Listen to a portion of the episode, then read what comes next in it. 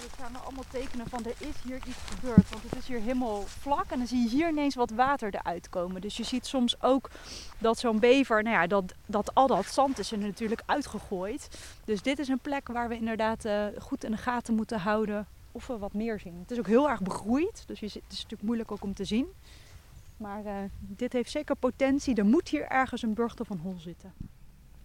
Ik loop langs de oever, hier in de Ooipolder, langs het water. En Else Polman, ja, we zijn op zoek naar bevers. We lopen langs de zijkant van het water. Waar let je nou precies op? Nou, ik let erop dat die bevers, die willen in een steile oever graag in de oever graven en dan omhoog komen zodat ze daar een droge kamer kunnen maken. Dus je ziet niet altijd als het zo'n hol is, zie je dat niet altijd goed van de zijkant. Dus ik kijk in het water of ik een plek zie. En ik kijk hier om ons heen. We hebben hier heel veel potloodpunten weer gevonden. Wel wat oudere, dus je ziet dat ze niet zo vers zijn. Maar de... Omgeknaagde bomen. Omgeknaagde bomen, precies. Dus ik zie hier wel heel veel potentiële plekken voor zo'n beverhol of burcht. Dus dus eigenlijk zie je die beverholen of burchten het beste vanaf de waterkant. Ja, maar dan zelfs als het onder water gegraven is, dan zie je de ingang niet. Dus als het een burcht is, als dat hol is ingestort en er zijn allemaal takken opgestapeld, dat herken je wel. Maar zo'n hol, ja, dat is gewoon heel moeilijk te vinden. Ja, maar als hier bevers in die buurt zitten, dan moet je toch sporen zien, zoals uh, uitwerpselen en zo? Nou, bevers die poepen zeker, gelukkig. Uh, het is alleen wel lastig te vinden, want ze hebben zogenaamde, ik noem het beverbitterballen. Het zijn van die ronde balletjes.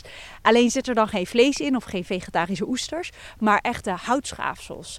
Die poepen ze in het water vooral, dus die vind je niet zo snel. Als nou zoals hier is het gebied ook dat het water soms wat omhoog en omlaag gaat. Soms vind je ze dan op de kant. Dus als het water eerst hoog is geweest, heb je gepoept, dan kun je ze vinden. Maar het is best moeilijk te vinden, beverbitterballen. De bever is ontzettend in opmars, hè? Klopt, hij, is, hij was uitgestorven, is geherintroduceerd. En ja, inmiddels gaat het weer hartstikke goed met die bever. Ja. Hij komt op zoveel plekken voor dat het af en toe wel een beetje in de knel komt, hè? Nou, er zijn locaties waar wij het niet zo handig vinden dat die bever zit. Dus je kunt je voorstellen als een bever in een spoortaluut graaft onder de treinrails, is niet zo handig voor ons als mens of uh, bijvoorbeeld uh, in de dijk. Dus er zijn wel plekken waar het niet zo handig is dat die bever soms zit. Maar hier in de Ooipolder, daar kan hij gewoon zijn gang gaan, toch? Zeker. Gelukkig op heel veel plekken in Nederland kan die bever gewoon zijn gang gaan. Sterker nog, je ziet die omgevallen bomen, ook die oudere. Dat zorgt voor een verhoging van de biodiversiteit. Er groeien allerlei paddenstoelen, planten op. Er komen allerlei insecten op af. Daar houden allerlei vogels weer van. Het zijn allerlei schuilplaatsen. Dus je ziet dat hier is het gewoon super mooi en fijn dat die bever terug is. En het is een mooi beest, hè? Heel groot, hè?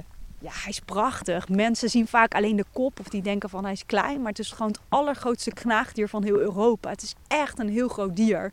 En met die prachtige geschubte platte staart. Ja, ik vind hem echt heel mooi. Ja, leuk. Nou, we moeten nog een beetje verder kijken hier aan de kant. En dan een beetje schuin kijken of er misschien in de verhoogde gedeelte een, een, een holletje is gegraven. Maar ja, kan ook, uh, kan ook onder de grond zitten, onder het water zitten. Dus het is heel lastig om, uh, om te zien. Ik ga nog een stukje verder lopen. Aduh.